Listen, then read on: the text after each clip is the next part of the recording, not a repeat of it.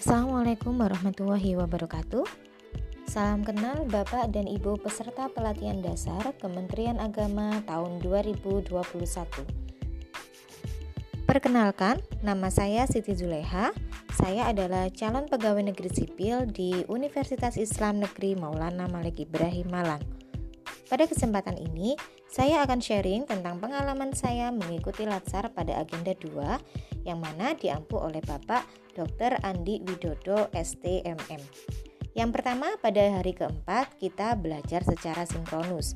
Beliau membekali kita tentang nilai-nilai aneka yang harus dimiliki oleh seorang ASN.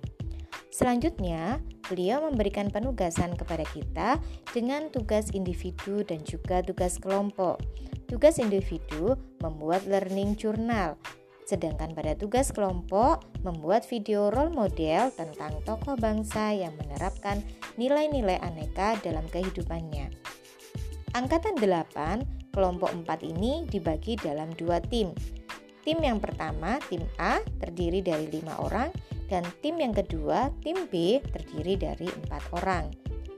Pada kelompok saya, yaitu angkatan 8, kelompok 4, tim B mengangkat tokoh bangsa yaitu Kiai Haji Abdurrahman Wahid atau biasa disapa dengan Gus Dur. Gus Dur merupakan salah satu contoh bangsa yang berintegritas serta selalu menerapkan nilai-nilai aneka dalam kehidupan sehari-hari. Sebagai contoh, Gus Dur lebih mementingkan persatuan bangsa daripada kepentingan pribadi. Beliau juga sangat anti pada korupsi. Hal ini tercermin di masa pemerintahannya. Gus Dur menginisiasi lahirnya Komisi Pemberantasan Korupsi serta menginisiasi pemerintahan yang bersih dari korupsi. Pada agenda 2 hari kelima, kita beserta Latsar melakukan pembelajaran secara asinkronus.